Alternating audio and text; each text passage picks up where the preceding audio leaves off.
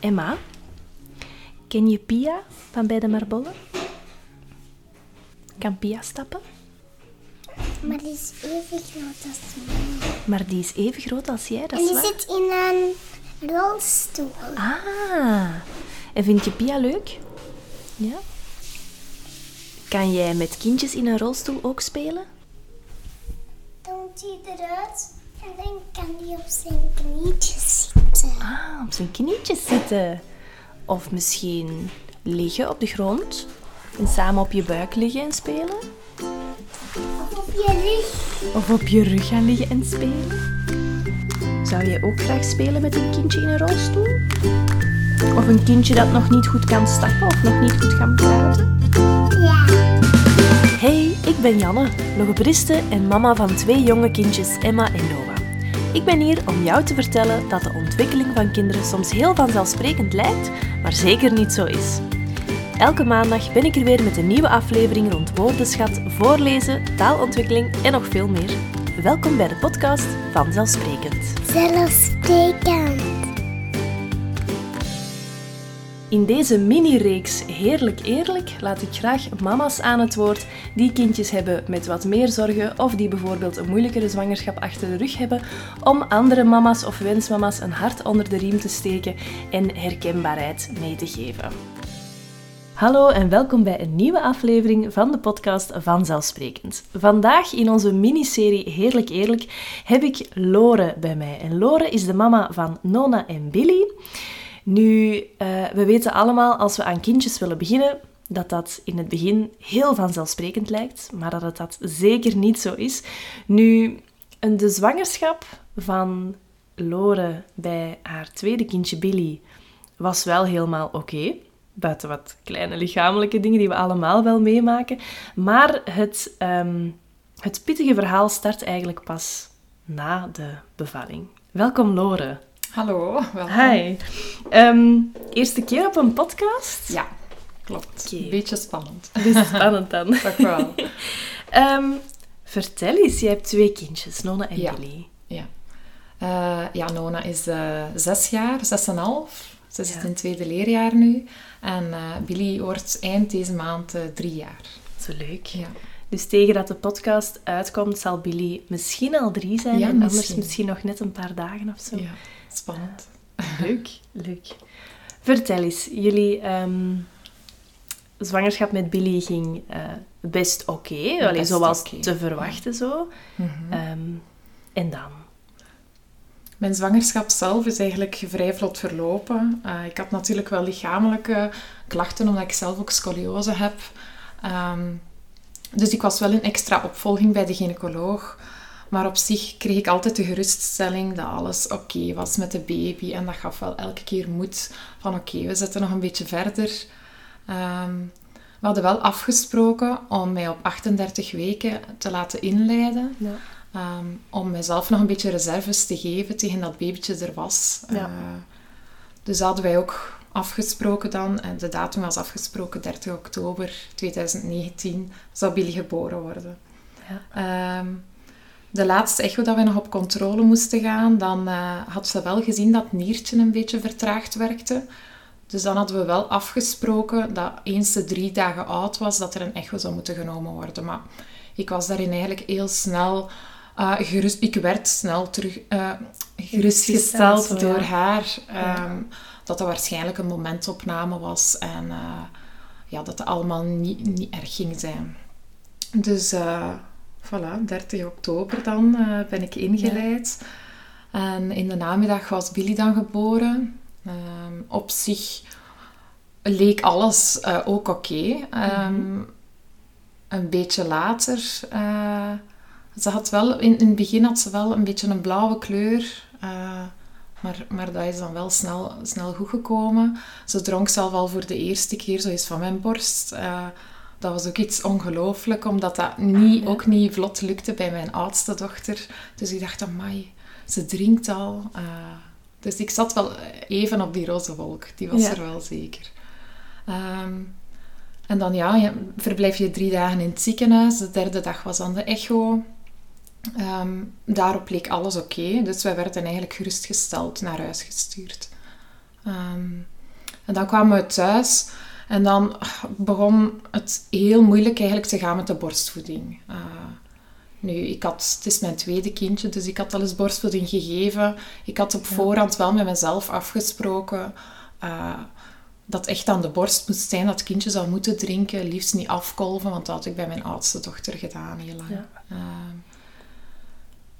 dus ik had uh, heel veel hulp natuurlijk van mijn vroedvrouw. Die heeft mij heel veel geholpen. Ook een lactatiedeskundige is bij ons ook langs geweest om echt alles op alles te zetten om die borstvoeding te laten werken uh, in zoveel mogelijk posities dat er kunnen zijn, uh, ja. zodat het kindje maar kan drinken. Ik herinner het me eigenlijk dat ze bij mij ook in het moederhuis ja. Zoveel verschillende posities probeerde Ongelooflijk. nemen. Ja, het is uh, zijdelings op u, uh, als je, als je neerzit. Al zittend, al liggend. Ja, ongelooflijk hoeveel posities er bestaan. maar toch, de, de ene keer leek het alsof dat Billy dat heel snel kon aannemen en dat ze dat goed snapte en was ze vertrokken. En uh, op het andere moment uh, was ze precies helemaal vergeten als, hoe dat ze moest drinken. En, en dat heeft eigenlijk een paar weken aangesleept. Uh, dat we met heel veel deskundige hulp ook gezocht hebben van wat zouden we moeten doen, wat kunnen we nog doen. Uh, maar dan hebben we eigenlijk snel toch moeten beslissen om toch af te kolven, omdat Billy echt te weinig dronk en dat ze gewicht verloor. En, uh, dus dan ben ik uiteindelijk toch beginnen afkolven, ook ja. al was dat oorspronkelijk niet het plan. Um, dus dat was de eerste grote moeilijkheid, was echt dat drinken. Ja. Maar ja, uiteindelijk zijn er nog normale probleempjes, of dat mm -hmm. dachten wij dan iedereen sukkelt een beetje in het begin. Dus we stelden ons zo een beetje gerust. En dan uh, twee weken later uh, moesten wij op controle bij de pediater, zoals elk kindje ja. moet doen. En dan werd voor de eerste keer gehoord aan haar hartje, geluisterd. En werd er ons gezegd van, oei, er is een beetje ruis op haar hartje. Waarschijnlijk zal dat niks zijn, zei de pediater, maar we gaan voor de zekerheid toch een echo doen.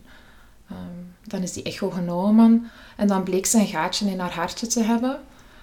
Um, dat is iets dat als ze dat direct zien na de geboorte, dan zouden ze wel nog medicatie hebben kunnen geven, dat dat zou kunnen gesloten zijn. Maar nu waren we al te ver en kon geen medicatie meer uh, ja, verkregen worden daarvoor. Ja. Dat kon dat niet oplossen. Um, dus dan was zo'n beetje de vraag, sluit het gaatje nog van zichzelf? Of uh, is het te groot en moet het dan operatief gesloten worden? Um, dus dat was eigenlijk eventjes afwachten. Zolang dat Billy het goed deed en zat er niet ja. zoveel e-, neveneffecten van, dan zou dat oké okay zijn om dat gaatje gewoon ja. een gaatje te laten. Uh, dus dan gingen we verder naar huis. Um, ja, en dan gingen de weken een beetje verder, maar de borstvoeding bleef nog altijd super moeilijk gaan. Ze had ook continu zo'n uh, bepaalde reutel als ze ademde. Ja. Um, ja, dat, dat was precies alsof dat ze altijd een verkoudheid had of slijmpjes. Uh, ja. Terwijl dat, dat echt enkel uh, ja, van haar ademhaling zelf was. Dat is iets dat ze van in het begin had, zo, zo die reutel. Um, ja, en dan werd het echt twee weken later, als ze één maand oud was ongeveer, werd het echt uh, nog moeilijker. En zag je dat ze echt moeite had om te drinken. Uh, kon ze ook, was ze ook heel weinig wakker. Uh, mm-hmm. Ze sliep meer, waardoor dat ze ook echt moeite had om te drinken. En mm. je zag ook dat ze haar, haar meerdere spiertjes moest gebruiken om te ademen. Dus dan zijn wij voor de eerste keer opgenomen geweest, geweest in het ziekenhuis. En dan dachten ze eigenlijk oorspronkelijk, het is RSV. Ja, want ja, het was ook herfstseizoen, ja. dus de meeste kindjes. Ze heeft een beetje een reutel, het lijkt haar ademhaling. Uh, maar ja, na nader onderzoek en na bloedresultaten en zo bleek dat eigenlijk helemaal niet het RSV-virus te zijn. Uh, dat bleek dan enkel als gevolg van haar hartje.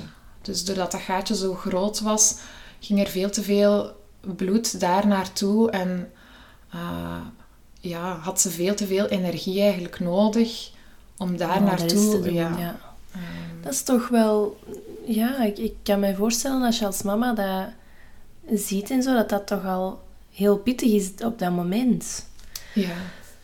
dat was zeker pittig. Uh, uiteindelijk allee, ben je daar nog met een pasgeboren babytje. Je hebt dan nog een ouder zusje. Uh, Ja, je volledig leven wordt echt opgeslorpt door de zorgen ja. die er zijn op dat moment voor je babytje.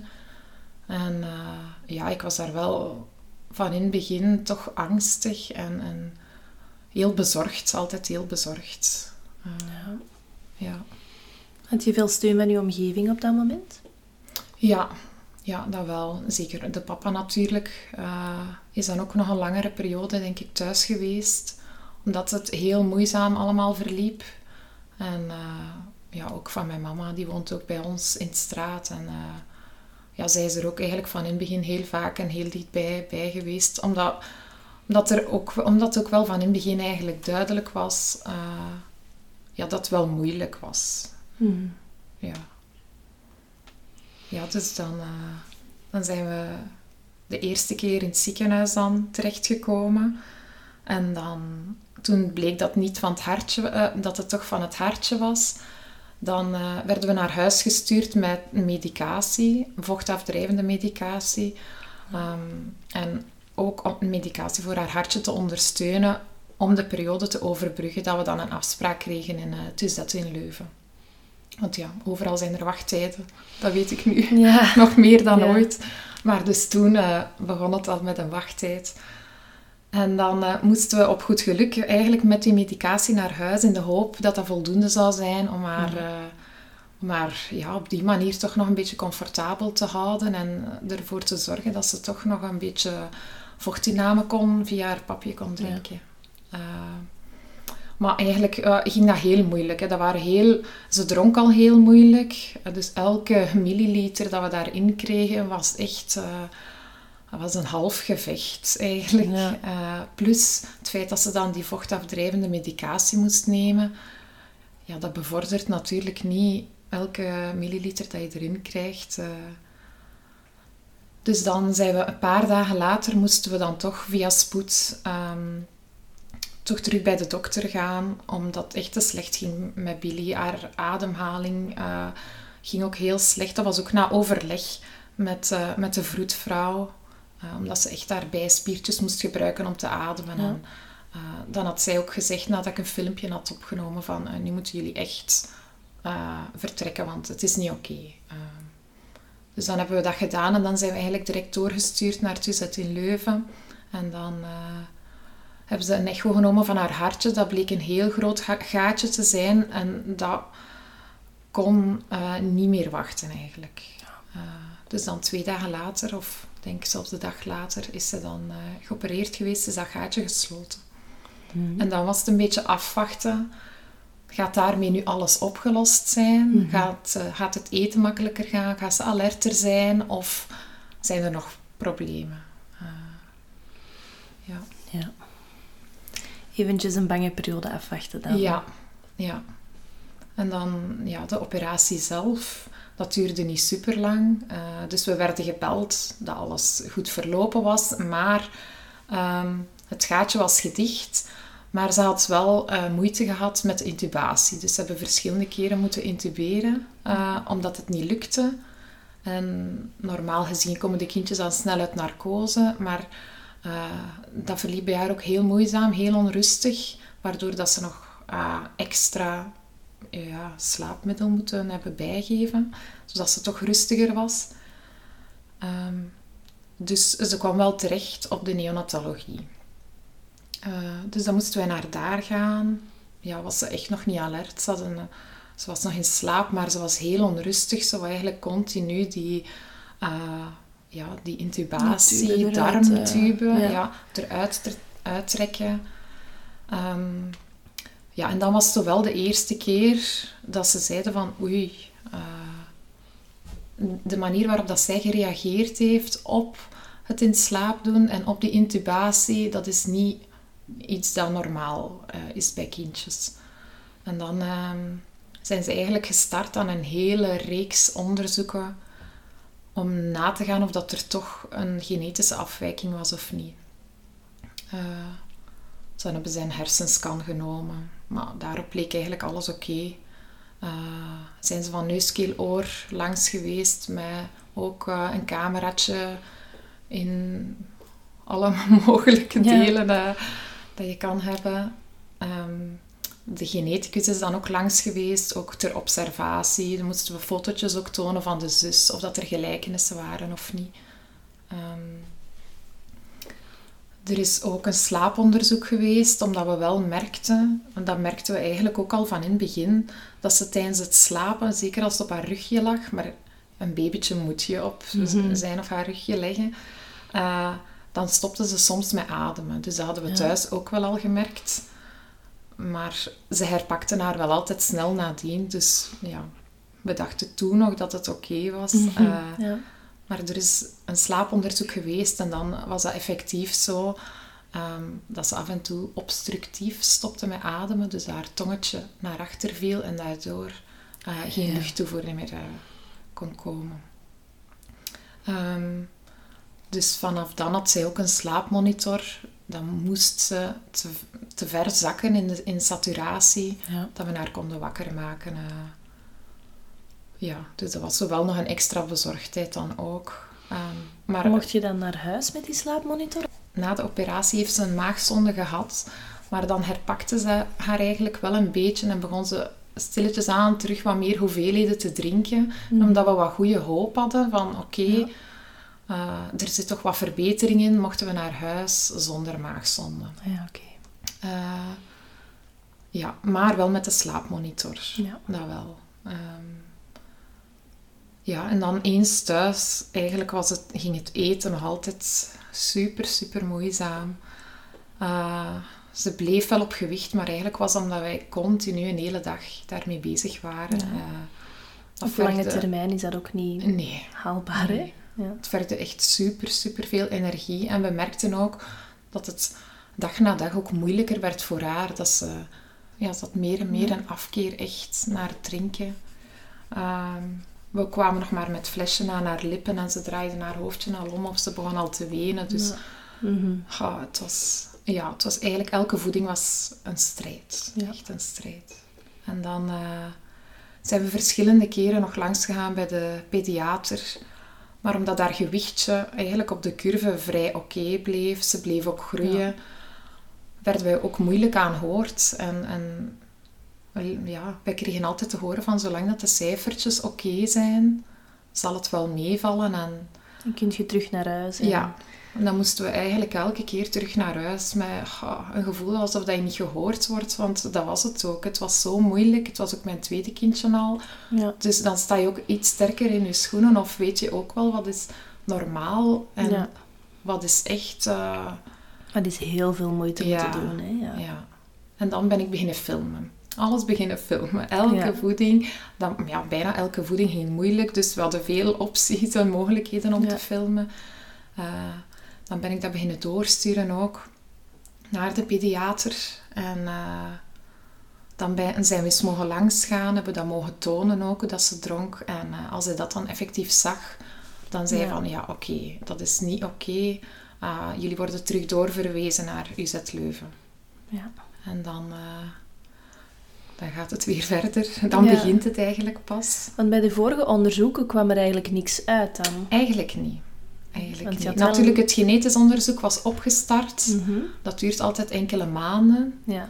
Uh, maar eigenlijk werden wij toen gerustgesteld door de geneticus van ze, ze lijkt wel op haar zusje. Uh, ja. ja. we wisten toen ook al dat ze reflux had, maar reflux was ook iets dat mijn broer had als hij, als hij klein was. Ja. Uh, ja, er werden nog wat dingen gezien, bijvoorbeeld. Ze zeiden ook van in het begin, haar kinnetje staat een beetje naar achter. Dat is ook iets dat bij ons een beetje in de familie zit. Dus we probeerden dat eigenlijk allemaal te linken aan familiale eh, oorzaken. Ja.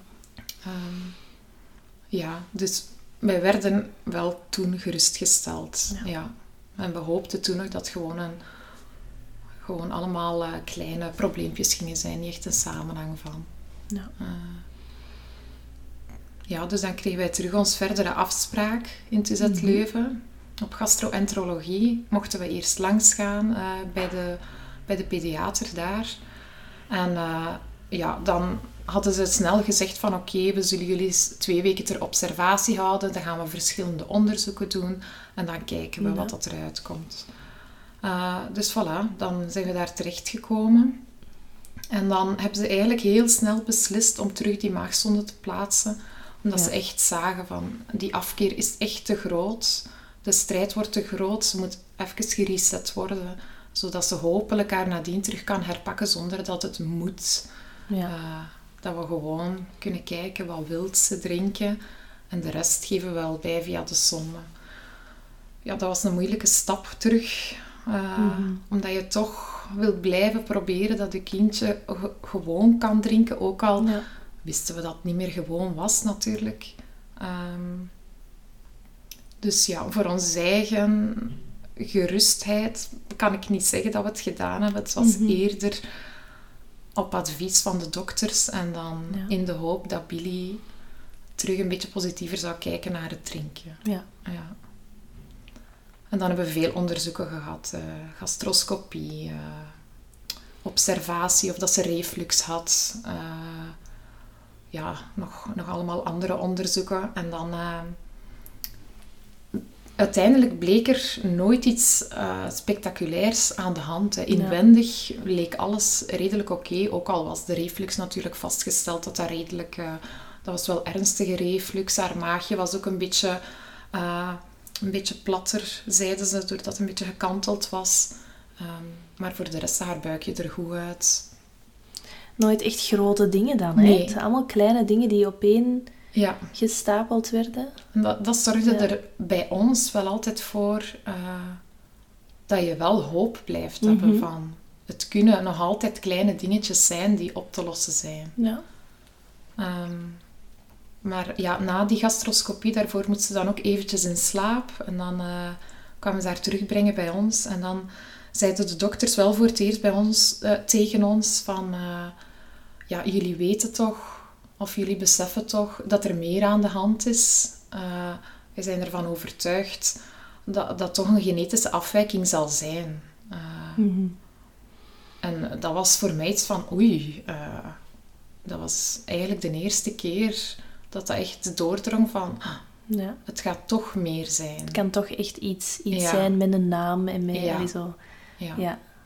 Ik wist ook echt niet dat dat nog kon al- al- als je normaal bevalt en ja, je niptest is oké en, en dat, je, dat je kindje nog wat kleine problemen heeft, oké, maar eh, zolang dat de bevalling dan vlot is gebeurd en dat er daar niks misloopt, dacht ik van oké, we hebben een gezond kind. Ook al kunnen er nog kleine problemen zijn, maar ja. Want ja, inderdaad, je zegt die NIP-test, die was ook allemaal Ja. oké dan, hè? ja, Maar daar screenen ze natuurlijk maar op, op, op twee of drie grote ja, genetische afwijkingen, zoals onder andere het syndroom van Down en ja. zo. Ehm, maar niet alles dan. Nee, hè? er bestaat zoveel meer. Ja. Ja. Hoe vond je dat dan, dat het, dat het dan toch een genetische afwijking zou kunnen zijn? Hoe, hoe... Eh, heel eh, ongeloofwaardig vooral. Ehm, ik, ja, ik, ik kon eigenlijk niet bedenken dat er echt nog heel grote afwijkingen zouden kunnen zijn. Mhm. Eh, ja, eens dat wij dat dan echt wisten, dan, eh, ja, dan was ik echt boos in het begin dat dat, dat, dat kon, zelfs zoiets. Zeker ook omdat wij zo'n een land zijn met heel veel verschillende Ja. onderzoeken en heel veel verschillende testen. En zeker ook op voorhand al. Ja. Ja. Ja, dat was niet makkelijk. Ja, de eerste confrontatie dan. eh, dat zorgde er wel voor dat je zelf al eens dan natuurlijk op Google ging zoeken van oké, ga eens zoeken op de symptomen, waar Ja. kom ik op uit? Maar dan zie je eigenlijk dat bij bijna elk syndroom heeft een beetje gelijkaardige symptomen. Eh, dus het was heel moeilijk om, om daar zelf uit te filteren. En ja, eh, dat is ook niet het slimste dat je kan doen natuurlijk. Maar toch wil je zo snel mogelijk zekerheid Ja, hebben of, ik zou of het zelf ook duidelijkheid doen, willen. Ja. Je bent echt op zoek naar ja, een beetje controle. Ja. Allee, ik toch. Ja. Ehm, ja, want dan heb je natuurlijk heel weinig controle. Hè? Je moet Ja. wachten. En wachten is volgens mij een van de moeilijkste dingen Ja. dat je kunt doen als mama. Als er iets eh, gaande is met je kindje, is wachten. want zolang dat je het niet weet, je hebt geen verklaring, kan je ook niet weten wat je er kan aan doen. Ja. En dat maakt het zo extra moeilijk altijd, dat wachten. ja. Eh, ja, dat was het ook. En dan eh, moesten we nog eens wachten op de geneticus. Dan hadden ze wel gezegd van eh, het bloedonderzoek dat afgenomen was met haar hartje, als ze dan e- ongeveer één maand was, daarvan gingen ze de resultaten binnenkrijgen. Ja. Hoe oud was Billy dan op dat moment? Ehm, dan waren we eind januari, dus Drie... bijna drie maanden. Ja. Oké. drie maanden. Ehm, en dan kwam de geneticus binnen. Eh, moesten we daarop ook heel lang wachten. Eh, dat herinner ik mij vooral nog ach ja, echt, hoe, hoe hard dat je moet wachten, hoe lang Ja. dat je moet wachten en hoe slopend dat dat is, dat wachten. Mhm. Ehm, dus dan kwamen ze binnen, maar dan was het niet enkel de geneticus die binnenkwam, maar dan was het ook de hoofdverpleger. Dan wa- was het ook... eh, eigenlijk stond er een heel team bij ons binnen. Eh, ik denk dat dat zes, zeven personen waren. Ik dacht al, Ja. hm, oei. Eh, en dan zeiden ze, ja, jullie mogen eventjes gaan zitten. Dan weet ik nog dat ik naar Matthias keek, de papa. En dat we alle twee dachten, ja, dat is hier echt een slecht nieuwsgesprek. Ja. eigenlijk wist je dat van de eerste seconde dat ze binnenkwamen. Ja. Ja, en dan werd er eigenlijk heel snel uitgesproken door de geneticus van... eh wij hebben uit de genetische resultaten gezien dat Billy een groot stuk ontbreekt op de korte arm van het vijfde chromosoom. Eh, en dan werd de naam Cri-du-Chat uitgesproken. Ze heeft het Cri-du-Chat-syndroom. Ja. En eigenlijk veel meer uitleg kregen we niet. En dan was dat even van, oké, ik laat het even bezinken. Eh, ja, wat gaat ze dan nog kunnen? Wat gaat ze niet kunnen? Daar konden ze heel moeilijk op antwoorden. Ik weet Ja. nog dat ik dan vroeg, gaat ze kunnen lezen en schrijven? En dan z- zei hij tegen mij, oeh mevrouw, eh, dat, ma- dat mag je echt niet verwachten. Maar dat was voor mij echt eh, alleen een shock, want dat is zoiets basis. Ja, Dat waar je dat denkt- Nona dan ook mee bezig Tuurlijk. was op dat moment. Ja. Misschien nog net niet nog op dat net moment. niet, nog net niet, maar ja. eh, en, en dan vroeg ik, ga ze dan kunnen spreken? Ja, dat, dat kunnen we eigenlijk ook nog niet zeggen. Dan dacht ik echt, amai, Nog? ik, ik ga een trapje Ja. lager eh, Ja. dan dat spreken, als dat er zelfs niet bij zit. Gaat ze kunnen stappen? Ja, dan konden ze wel zeggen, de meeste kindjes met Credit leren wel stappen. Maar ook op een, allee, ook een hele weg ernaartoe natuurlijk. En dan, eh, ja, dan was het tijd om dat te beginnen verwerken. Ja. Dat was niet simpel. Dat waren heel veel gevoelens in het begin. Eh, ongeloof. Maar echt ook een ge- ah, gebroken gevoel. Eh, Ja. ja, ik zie me daar nog altijd zitten op die, op die ziekenhuiskamer. En dat je dan zo kijkt naar je kind en dat je denkt, "Ah, dat is hier al zo een zware periode geweest. Al ja, bijna drie maanden onophoudelijke gevecht voor het eten. Dan een operatie al gehad. Die nachten eh, waren super slechte wenen van begin tot einde. En dan ineens wordt de situatie dan uitzichtloos. En ja, dan zakt echt de moed van onder je schoenen. En dan denk je wel echt van, eh, wat gaan we nu doen? Ons leven Ja. is voorbij. Wat gaat ons leven nog worden? Onze plannen? eh allee, direct van alles kwam er eigenlijk in mijn hoofd. Ja. En dan moet je nadien beginnen rondbellen natuurlijk, want je ouders hebben ook terecht om te weten wat dat er aan de hand is. En je broer en je zus. En... Dus dan iedereen nog eens die boodschap overbrengen. Ja, dat was echt eh, ja, moeilijk. Dat is ook niet gemakkelijk, hè? want als je Nee. dan zelf dan moet verwerken, Ja. Ik denk dat je dan liefst gewoon eventjes je helemaal afsluit. Dat zou ik misschien wel hebben, Ja. denk ik. Je, je weet nooit hoe je gaat reageren in zo'n situaties. Hè? Maar als je dan Ja. dat eigenlijk snel moet verwerken om dan het nieuws ook over te brengen aan andere mensen. ja, dat was niet simpel. Hmm. Maar enerzijds wil je het ook wel vertellen, omdat je het ook nodig Mhm. hebt. Ja. Je weet ook, eh, ik ga dat hier niet alleen kunnen. ja. En En je had natuurlijk ook Nona nog, hè? ja. Ja, dat dan ook nog. Daar had ik zelfs nog niet aan gedacht. Ja. Ja, Ja, zij was ondertussen eigenlijk, want Matthias en ik hebben dat wel allemaal samen beleefd in het ziekenhuis. Omdat ik ook echt, eh, ja, voor mij was dat alleen te veel. En, ja, eh, natuurlijk. hij, hij wist dat ook wel, dat dat nodig was, dat we daar samen waren. Dus Nona was dan eigenlijk al een paar weken eh, bij mijn mama aan het logeren. Ja. Kwam zij in het weekend wel eens langs. eh en facetimen deden wij, maar Ja. ja, dat was het. Dus ik had enerzijds uw verdriet daarvan ook wel. Ja. eh, maar natuurlijk, ja. Het is een avontuur dat, waar dat je dan moet inspringen. En eh, om die klik dan te zetten van oké, we gaan er nu voor. Dat heeft ook wel eventjes geduurd. Ook al hebben we, alle de papa en ik hebben nooit aan elkaar getwijfeld of zo. Ja. Eh, we dachten ook wel, oké, we, gaan, we gaan er wel samen door en we zien wel wat ons leven nog brengt. ja. Maar we gaan er het beste moeten van maken. Mhm. Als we nu vooruitspringen naar vandaag. Vandaag is Billy bijna drie. Hoe eh, is het nu met haar? Op zich is ze nu een vrolijk meisje.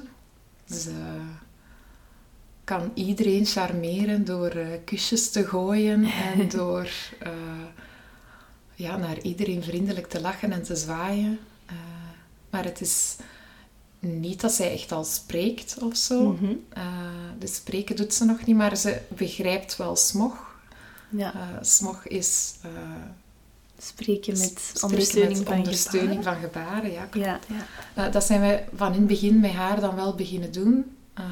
Dus zijn de basismogjes die ze al kent. Zo eten, drinken, slapen, wassen. Ja. Honger, lekker.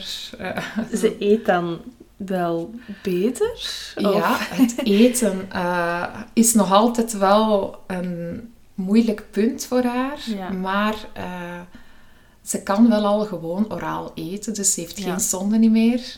Eh, dat is echt al toch een overwinning.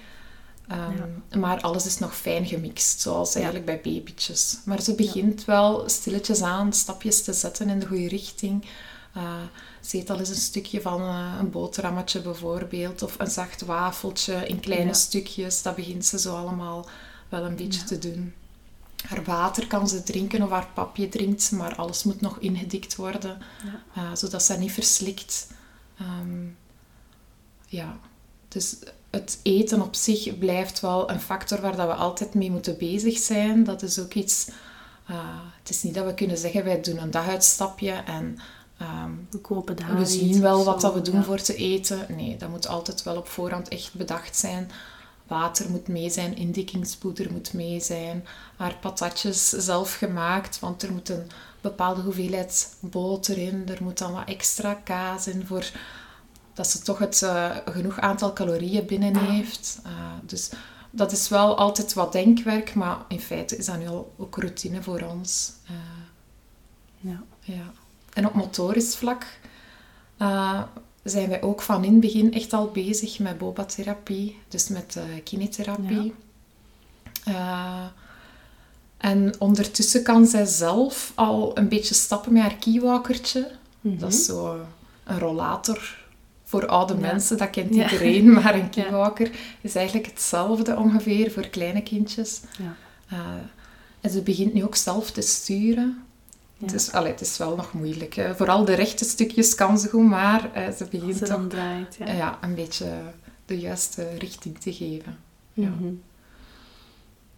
Maar als je zegt, het is een vrolijk kind, vind ik heel fijn om te horen ook. Hoe, Ja. zij... eh, zij kent natuurlijk niks anders, hè. Zij is wie zij is. En, en Maar ehm, so- sociaal is zij wel.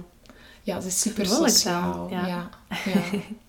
Dat is echt, eh, allee, dat, dat is echt iets dat ik heel eh, fijn vind aan haar. Dat ze, ja, ze ziet kindjes of ze ziet andere mensen en ze is daar eigenlijk al, bijna altijd toe aangetrokken. En ze wil altijd contact maken, ook al kan ze eigenlijk niet spreken, nodigt ze zichzelf wel altijd uit. En, en staat ze op een of andere manier wel altijd in de belangstelling overal. Ja. Eh, dat heeft echt eh, geholpen ook om, om die band met haar te creëren. Dat ze zo Mhm. vrolijk is en dat ze... Ja, we kennen haar nu echt al heel goed. Dus als er op medisch vlak iets moeilijk gaat, weten we dat ook heel snel of kunnen we heel snel ingrijpen voordat dat slechter wordt. En, Ja. en daardoor blijft dat dan binnen de perken wel. eh, Ja. Als je, als je had kunnen zien wat het eh, nu is, misschien moet ik het anders vragen. Had je, je weet op voorhand niet hoe je kind gaat opgroeien. Hè? Nee. Zeker niet als er dan een, een syndroom aanwezig is. Ehm, op het moment dat je dat nieuws kreeg, hoor ik dat dat enorm moeilijk was. ja. Had je verwacht dat Billy dan dit meisje ging zijn? En, en, of had je dat anders gezien? Hoe, zit in, feite con- confronteren ze je enkel met de dingen dat ze niet gaan kunnen. Ja. En dat is ook het eerste wat dat je ziet. Ze gaan niet kunnen lopen. Misschien, of misschien niet kunnen lopen. Ze gaan niet kunnen spreken, niet kunnen lezen, niet kunnen schrijven. Ze kan nu, op dit moment, toen niet eten. Ja. Dan zie je vooral... ja, negativiteit. Ja. En die focus lag echt zo hard op die negativiteit. En ja, toen was dat heel moeilijk om te bedenken van... ga gaat zij wel gelukkig zijn? Want ze was toen ook nog niet comfortabel. Ze had zo nog veel medische pijntjes. En, en ze weende nog zo, va- zo vaak. Ik wist ook niet, gaat ze echt levenskwaliteit hebben? Gaat ze gelukkig kunnen zijn? En had ik dat misschien toen geweten, ja, dan zou het misschien toch al makkelijker geweest zijn. Omdat je wel Ja. energie nu haalt uit je kind ook. Hè. Eh, ja, Dat is een van de, van de dingen die ehm, heel belangrijk zijn en heel mooi zijn. Is dat je energie haalt uit je kinderen. Want ze kosten enorm veel Ja. energie. Ook al is er ze zuigen is er niks. Ze zuigen letterlijk Asli. En, en dat is ook zo. Dat is, dat is bij elk kind volgens Ja. mij zo. Laat staan als het een kindje is met meer zorgen. Ja, Het zuigt nog meer. Maar het is heel fijn dat ze energie teruggeeft op dit moment. het is allemaal eh, veel intenser. Zo, zo voel ik het echt. eh. Ja, ze wordt ook bijna drie jaar. Eh, andere kindjes spelen al lang rond en, en lopen al lang rond. En, en zijn eigenlijk al een groot stuk zelfstandig, want ze gaan al naar school. En eh, ja, voor Billy moeten we alles nog doen. Ja. We dragen haar nog van de ene naar de andere plaats. We verversen haar luier nog altijd. Eh, we geven haar nog eten. Ze eet nog niet zelf. We geven haar nog papje, zoals dat je een babytje papje Ja. geeft. Ehm, dat zorgt ervoor, die afhankelijkheid dat zij nog heeft naar ons toe. Ja, ik zal niet zeggen dat de liefde groter is of zo, maar toch intenser. Om, omdat ze, ja, je weet dat ze zo echt hard nodig heeft en dat ze echt niet zonder u kan. Ja. En ze groeit wel fysiek, maar toch Mhm. blijft ze echt eh, nog dat babytje ook voor een stuk. ja. Ik vind het mooi. Hoe ziet jullie huis eruit momenteel? Ehm, ons huis is nog niet zodanig aangepast aan Billy, maar natuurlijk is ons huis wel een halve opslagplaats van hulpmiddelen geworden. Ja. Eh, dat wel, ja. Eh, we hebben een staapparaat voor Billy, want ze moet elke dag eh, een uurtje staan. Hè. Staan kan ze ook nog niet zelfstandig. Dan hebben we een zitschaal waar ze dan mooi in zit. En ja. Daar krijgt ze eten in. Dan hebben we een eh, aangepast rolstoeltje. daarin kan de zitschaal dan verplaatst worden als we zo'n korte wandeling doen. Ehm, wat hebben wij nog allemaal? Ze heeft eh, natuurlijk sta- spalkjes ook. Ja. Eh, dan aangepaste schoentjes heeft ze. En dan om te stappen staat er een keywalkertje dan ook bij ons in huis. Ehm, en ja, voor te slapen heeft zij ook wel eh, kniestrekkers.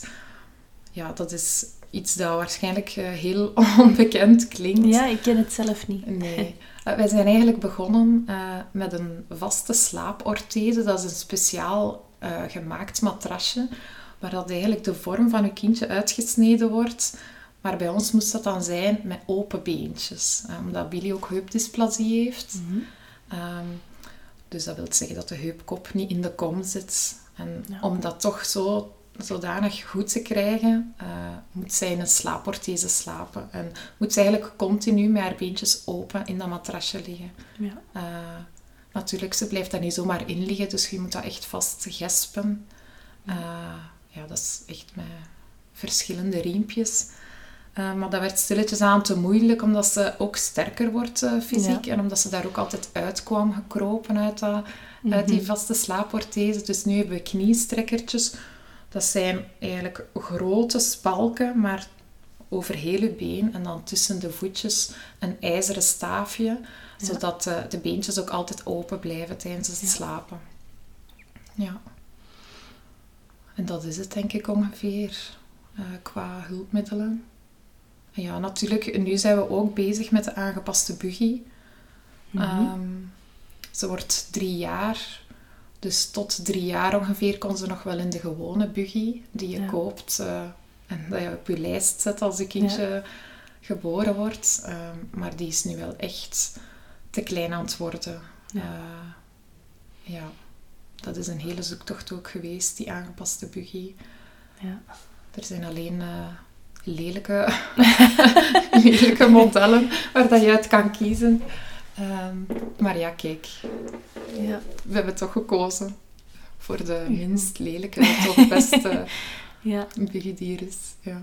Vindt Nona het ook leuk om dan mee met de buggy te rijden? Allee, dat zij er mag mee, mee mag duwen of zo, kan mij voorstellen. Ja, ja. Eigenlijk eh, vindt zij alles eh, wel leuk aan haar zus. Ze kan ook heel veel verdragen van haar zus. Want het is niet altijd, eh, het is niet altijd gemakkelijk.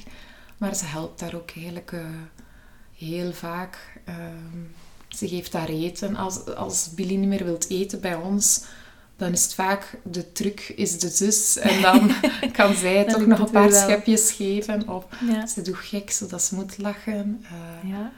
Ze, ze doet ook smokgebaartjes voor de zus, dus Ah, Nona leuk. leert dat ook mee. En eh, ja, zo communiceert ze ook wel met de zus. Ja. Ja, Ja, want ik kan me voorstellen, die band hè, tussen de twee zusjes is, is ook niet zo vanzelfsprekend, maar die zal er zeker wel zijn. Ja. Hè? Die, die, ja, wij denken altijd dat dat niet zo vanzelfsprekend is. Of we zouden dat denken dat dat moeilijk is, maar eigenlijk is Nona daar zodanig ook in meegegroeid. En denk ik niet dat zij echt een, een beperking ziet bij haar zus. ja. Eh, ja, ze, ze weet misschien wel, ja, Billy kan nog niet stappen of Billy kan nog niet eh, staan, Billy kan nog niet praten. Maar dat is ook typisch aan Nona. Zij zal ook wel altijd zeggen wat ze wel kan. Ja. Ah ja, zij zal bijvoorbeeld zeggen, Billy kan wel praten, want ze, ze zegt nog in gebarentaal. Ja. Hè? En dan weten Ja. wij, ah, ze zegt nog. Het is ook eh, praten, het is ook eh, co- communiceren. Hè? Het is non-verbale communicatie. En, en eh, gebaren tellen ook mee als woorden als je echt naar logopedische mijlpalen kijkt. Dus dat is, dat is heel fijn dat zij dan... Ik, ik vind dat we heel veel kunnen leren van, van kinderen sowieso. Als je ziet wat Ja. Nona dan zegt over haar zus, van ze kan wel dit en ze kan wel dat. Ja. Dat is heel mooi om daarop te focussen. Zeker, zeker. De brusjes, die zijn echt ongelooflijk. die, ze zorgen zo goed voor hun... eh, allee, als ik voor, naar Nona kijk, ze zorgt zo goed voor Billy. Eh, ik probeer daar zelf ook niet te hard de focus op te leggen, omdat we ook wel weten eh, allee, wat dat gevaar kan zijn, zo gezegd. Ehm, Ik wil ook niet dat Nona een half mamatje wordt Ja. en dat zij ook altijd bezorgd is. Eh, ik wil ook dat ze nog kind kan zijn. En we proberen ook af en toe iets met haar alleen te doen, want het is gewoon zo dat in de dagelijkse zorgen en in het dagelijkse leven dat, dat de meeste tijd naar haar zus gaat. En Ja. Dat zij zich daaraan ook wel al een beetje aanpast. En ook al gewoon heel zelfstandig is en, en alles al heel veel al alleen kan. Omdat ze weet, ja, als mama alleen thuis is met de twee, met de twee kindjes, dan is het ja, Billy die echt de aandacht nodig heeft. En, Ja. eh, dus we willen ook wel echt benadrukken naar haar toe van... "Ha, wij zien u ook graag en eh, je doet het ook echt goed op school of met de grote zus. Of, Ja. eh, allee, we zijn ook vier op haar. Ook al gaat dat soms misschien een beetje verloren in de dagelijkse sleur. ja, dat kan ik mij wel voorstellen. En zij zit nu in het tweede leerjaar. Ja, Dus zij kan dat nu lezen. ja. Dat is leuk, hè? Ze begint ook verhaaltjes voor te lezen aan Billy. en- Ah, leuk. ja, Ja. ja, dat vindt ze wel... eh allee, ze is dan zo vier op zichzelf, ja. Mag zeker, Ja, mag zeker. Ik kan mij voorstellen als Emma begint te lezen, dat hij ook zeker aan Noah wilt voorlezen. Ja. Want ze begint dat nu al wel zo wat te doen, maar dan begint ze van alles te vertellen over wat ze ziet en zo. Of dan weet ze ongeveer hoe het verhaal gaat. ja.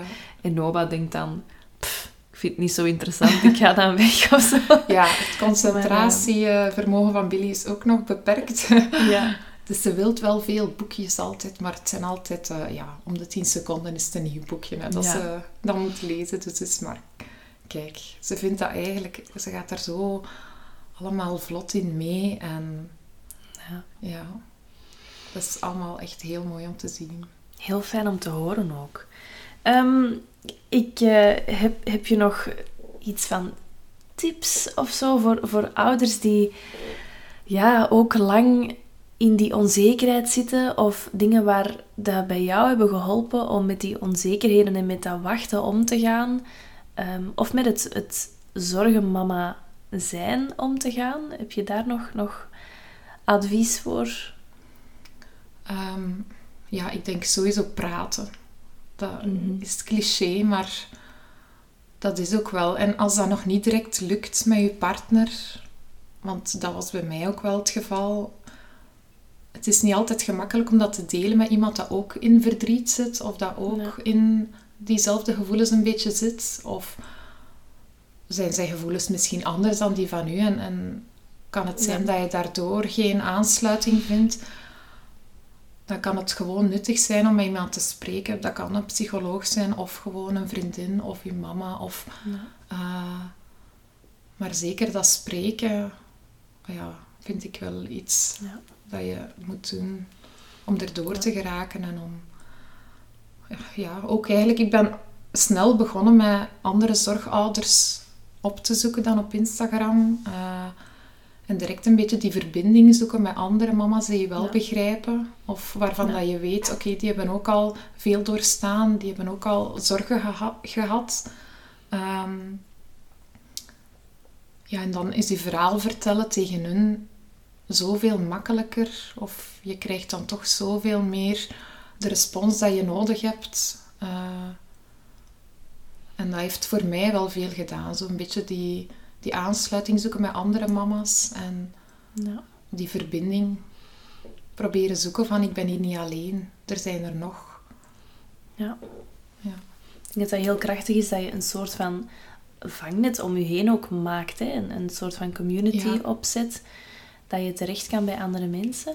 Als je dan zegt van, dan krijg je de responsen die je nodig hebt. Zijn er dingen dat mensen veel tegen jou zeggen waarvan dat je denkt, oh, daar vind ik helemaal niet leuk om te horen ook niet. Ook al is het goed bedoeld, hè, want iedereen zegt Ja. natuurlijk dingen die, die goed bedoeld zijn, maar die, die je dan eerder misschien niet tegen een zorgenmama moet zeggen. Ja, wat, wat je sowieso heel vaak hoort is... eh oh, amai, ik zou het niet kunnen. Wat dat jij aan het doen bent, ik zou het echt niet kunnen. En chapeau. Hij, Ja. bent echt een sterke mama. Eh, ja, dat zijn zo dingen dat je denkt... iedereen dat in deze situatie terechtkomt, je hebt er niet voor gekozen, maar het gaat over je kind. Je doet het gewoon. ik kan dat ook niet. Ik ben ook niet sterker dan een andere mama. Maar we moeten er wel door. En Ja. ja, ik weet dat dat dan inderdaad goed bedoeld is van Ja. "Ah, je bent zo sterk, maar in feite voelen wij ons echt niet sterk. Mhm. Is vaak dat je op de rand van de inzinking bent en dan zeggen ze tegen je, ach, je bent sterk, gewoon omdat je je leven volhoudt. Ja. Eh, ja, dat, dat is eigenlijk niet nodig. Ik zou dan liever hebben dat ze zeggen...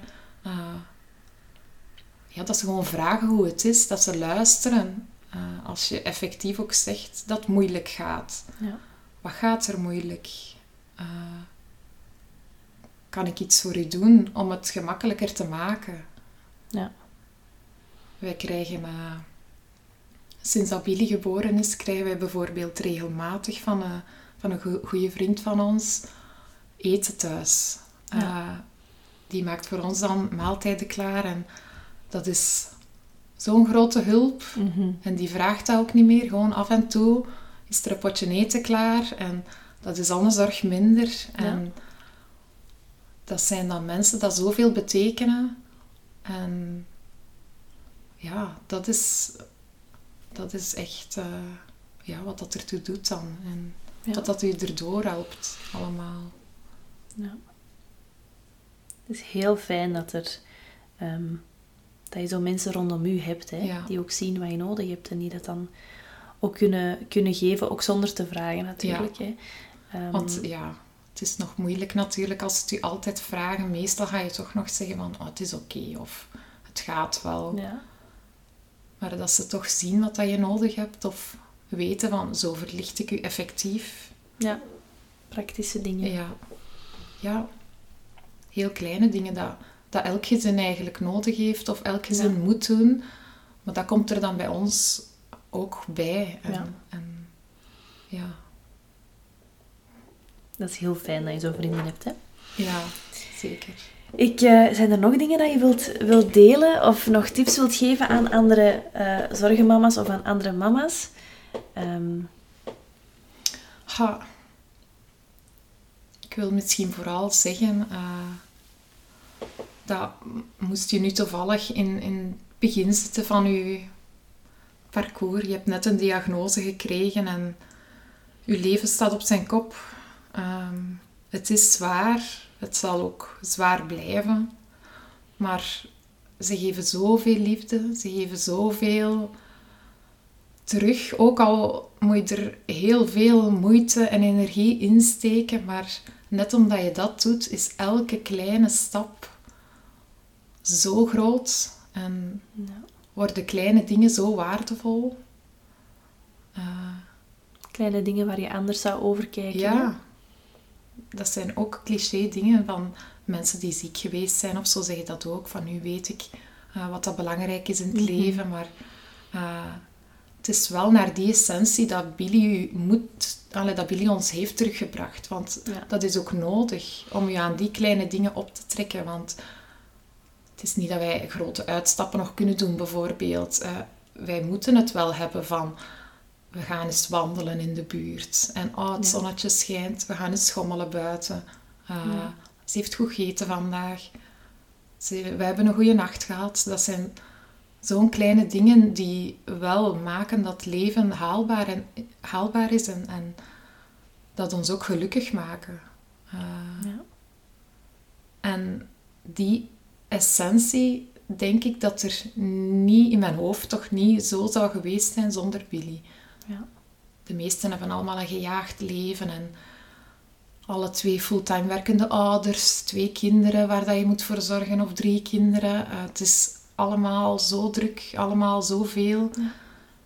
Ik werk nu sinds Billy nog half tijd. Dat is ook nodig voor haar naar Rinkendaal te doen. En ze gaat naar het revalidatieziekenhuis nu.